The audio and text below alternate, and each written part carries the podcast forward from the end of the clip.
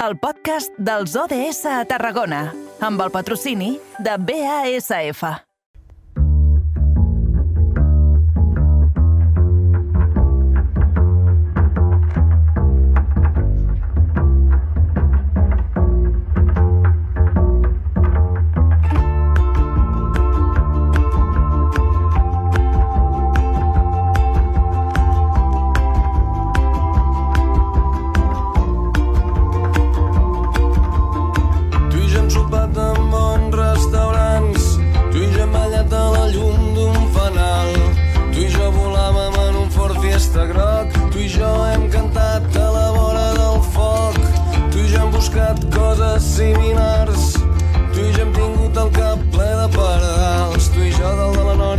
Tu i jo i la nostra història, però tu i jo no ens hem banyat mai al mar. El mar, el mar.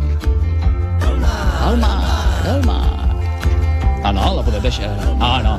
No, no, no, no, Álvaro, no et pensis ara que cantarem aquí el cap de setmana. Home, mira, una bona remulladeta si desafinéssim ja estaria bé. Aquest cap de setmana diuen que les temperatures estaran pels núvols. Com m'agraden els Manel.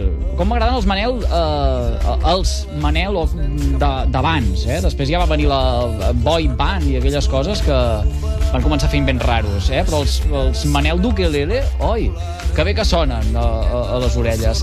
Va, anem cap als estudis de BX Ràdio perquè allí tenim el nostre company Miquel Llevaria. Miquel, bona tarda, bon divendres.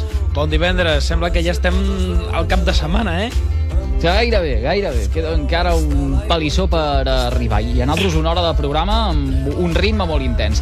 Escolta, deixem de banda ara els uh, Manel, que sonin de fons amb aquest uh, uh, el mar que, que, que tenim, i centrem-nos nosaltres en l'agenda 2030 de les Nacions Unides, agafem l'agenda dels objectius de desenvolupament sostenible, perquè avui ens quedem en el tercer, el que parla de salut i uh, benestar, i precisament el que fem és llançar-nos de cap al mar per uh, veure, per uh, conèixer i qui sap si també per cruspir-nos uh, algunes de les espècies que uh, es troben al mar. Així és, perquè avui el que farem serà parlar d'uns aliments que venen del mar i que són molt de cap de setmana, els mol·luscs. Potser eh, ens sonarà més si començo a dir paraules com ostres, escopinyes o musclos. I és que això ja fa donar-nos salivera, no?, perquè és un aliment molt de cap de setmana, dels vermuts, eh, les paelles, per exemple. Doncs venim aquí a trencar-li una miqueta aquests somnis de cap de setmana als nostres oients perquè eh, un estudi del grup d'investigació del Centre de Tecnologia Ambiental Alimentària i Toxicologia, també conegut com Tecnatox, de la Universitat Rovira i Virgili, va determinar que la població adulta consumeix de mitjana a l'any 8.100 microplàstics anuals a través només dels mol·luscs. En l'estudi han detectat 1.460 microplàstics en 2.300 mol·luscs analitzats que han sigut recollits, tots ells per productors de la costa catalana. I una miqueta per a conèixer més detalls d'aquest estudi i de les seves conseqüències, tenim amb nosaltres a Joaquim Rovira, investigador de Tecnatox, que ha participat en l'estudi. Moltes gràcies per ser avui aquí. Hola, bona tarda, gràcies a vosaltres per convidar-me. Per començar, eh, com de perjudicial és per a un ésser humà consumir aquesta quantitat de microplàstics a l'any? Bueno, de, de fet, el, el més preocupant de tot és que no ho sabem. No sabem el, els efectes adversos que tenen aquest eh, microplàstic sobre la salut. Comencen a aparèixer indicis de que aquests microplàstics irriten i inflamen l'intestí. Però, a més a més, aquests microplàstics tenen en el seu interior additius que mm, quan ens el mengem amb l'estómac, quan hi ha un canvi de pH, poden arribar a desprendre's, a migrar a fora i poden ser absorbits pel nostre cos. Aquests additius n'hi han de cancerígens, n'hi han de que són disruptors endocrins, és a dir, que s'assemblen molt a les, a les nostres hormones i ens poden provocar doncs, bueno, alteracions com, que poden desencadenar obesitat i, i diabetis. I també aquests microplàstics poden tindre contaminants ambientals adherits en, el, en la seva superfície o microorganismes patògens que un cop ingerits poden, això, poden ser absorbits i, i, i afectar de diferent, de diferent manera el nostre cos. O sigui, res de bo. Uh -huh. uh, I al final també aquesta dada que, havia, que heu donat a l'estudi de 8.100 plàstics anuals consumits per una persona adulta durant l'any és un càlcul no que feu després d'haver fet uh, aquest estudi, però quan dieu de que creieu que hi ha una mitjana de 8.000 de 8.100 microplàstics a l'any és perquè també creieu de que hi ha persones de que fins i tot arriben a consumir-ne més. És una mitjana. Òbvia. Òbviament, els, els grans consumidors de, de, de, de mol·luscs, de, de, de musclos, ostres, poden arribar, hem calculat, a, a consumir 20.000 fragments de, de plàstic anuals.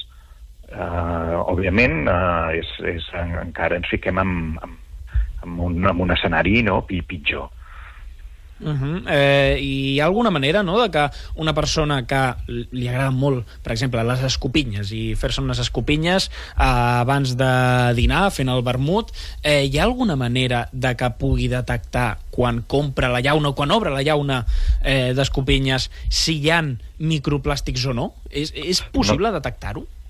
No, de fet no es, no es pot detectar. Nosaltres per, per fer les nostres investigacions necessitem uns, uns equips, uns microscopis per, per poder-ho, per poder mirar penseu que els microplàstics tenen una mida, poden anar dels 5 mil·límetres, en aquest cas sí que els veuríem, però clar, si estan en l'interior dels, dels musclos o de, o de les ostres, sí que no ho, veu, no, no, no ho podem detectar pas, però fins i tot són, poden arribar a mides uh, micromètriques. Un micròmetre penseu que és la mil·lèsima part d'un mil·límetre. Són fragments realment molt, molt, molt, molt petits que a simple vista no, no, ni es veuen.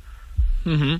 I, a més, quan heu analitzat tota aquesta quantitat de mol·luscs, n'heu analitzat de diverses eh, espècies, no? Ostres, uh -huh. escopinyes, eh, com es diuen, talla, tallarines? No. Tall, tallarines, uh, Exacte, navalles... És que me sortia, me sortia en castellà, coquines. Però bueno, n'heu analitzat moltes i, a més, el que heu trobat és que eh, hi ha una gran diferència entre elles, perquè, per exemple, en el top eh, eh, tenim 23 microplàstics per cada ostre individualment i 19 per cada múscul individualment de mitjana, mentre que, per altra banda, les tallarines tan sols 0,5 de mitjana.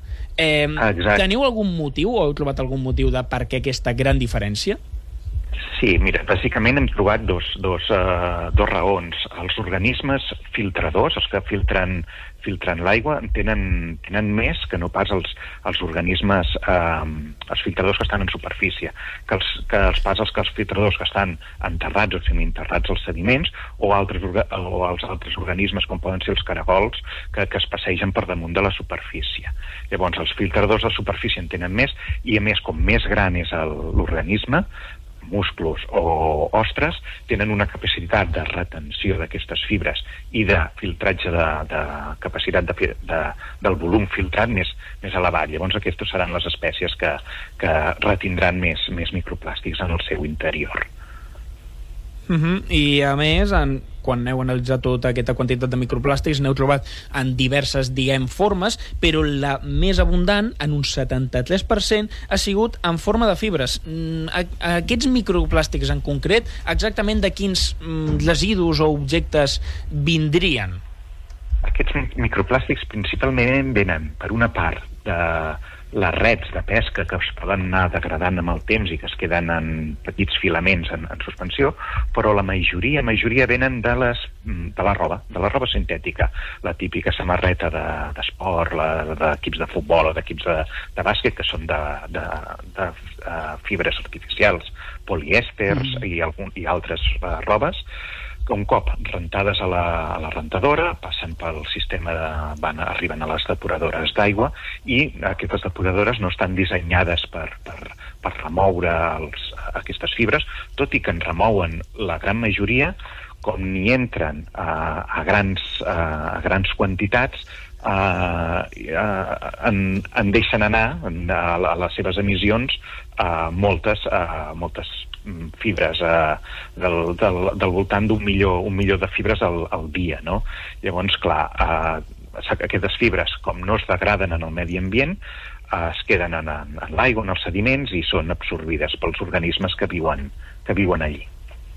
Hm. Senyor Rovira, uh, uh, aquestes dades que vostès han uh, trobat, uh, que han pogut analitzar, són particulars de la costa catalana, però eh, és una realitat aquesta que s'aproxima en d'altres eh, punts costaners o en d'altres eh, eh, zones marineres del, eh, no sé si dir territori eh, peninsular o fins i tot eh, d'altres punts de la Mediterrània? Sí, eh, on el, per, lamentablement el mar està, està molt contaminat per aquest tipus de, de, de, de fibres, de, de fibres i de fragments plàstics. Llavors, no, no són...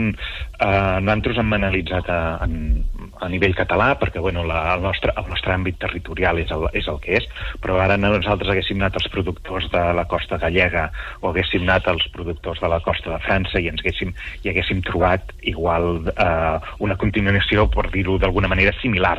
Mm, nivell amunt, nivell eh, fibra amunt, fibra avall, haguéssim trobat que tots els, els animals, eh, eh, els organismes que es cultiven no, en aquestes costes són, tenen uns nivells de contaminació bastant elevats eh, degut a que els nostres mars, tots, eh, tant el Mediterrani com els oceans, estan, estan molt contaminats d'aquest tipus de, de, de materials. Mm -hmm. Uh, professor, i com a consumidors d'aquest tipus de productes ens hem d'espantar? Eh? És a dir, uh, ara que tenim aquests resultats en mà, uh, racionalitzem els vermuts del diumenge, abans que ho comentava uh, en Miquel, o, o, o podem estar tranquils i seguir menjant, doncs, uh, uh, musclos amb, amb romesco, all i oli? Ah, podem seguir menjant musclos amb, amb, amb romesco, però el que sí que ens hauríem de plantejar eh, i estem fent tard és eh, com estem tractant els, els nostres mars i el nostre medi ambient.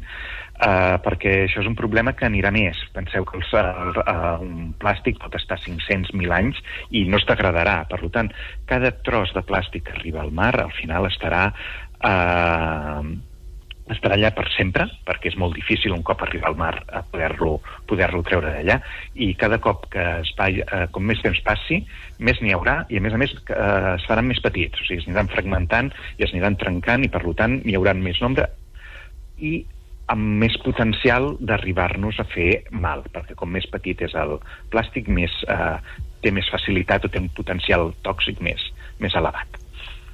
I escolti una cosa, uh, va, això ara ho han detectat en els molus, però si féssim una anàlisi uh, similar, per exemple, uh, en, en uh, peixos, no sé, uh, penso ara en la uh, tonyina, per exemple, trobaríem també aquests microplàstics, donat que uh, precisament la, la tonyina és un d'aquests uh, peixos uh, predadors uh, que uh, menja d'altres peixos i, per tant, doncs, ja ens porta uh, també segons quines substàncies com el mercuri que uh, hem d'evitar, uh, en certa mesura Exactament, trobaríem en, en producte, producte del mar, per dir-ho d'alguna manera, trobaríem microplàstics, però no només en producte del mar.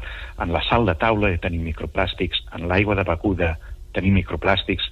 Si aquesta aigua és embotellada amb, amb, amb materials plàstics també en trobarem, i encara amb més, amb més nivells. Uh, fins i tot n'han trobat en les, en les cerveses i alguns investigadors l'han trobat en la, a la mel que fan les abelles. Aquests petits plàstics se queden, eh, se queden enganxats a les potes de les abelles i quan l'abella fa mel transfereix aquest microplàstic a la, a la mel. O sigui que és un, és, de fet la, la contaminació per plàstic no és exclusivament del mar, sinó està, està tot arreu. Li agraïm moltíssim, uh, professor Rovira, que hagi acceptat la trucada del carrer Major de les Ràdios de la xarxa al Camp de Tarragona. Molt interessant. Moltes gràcies.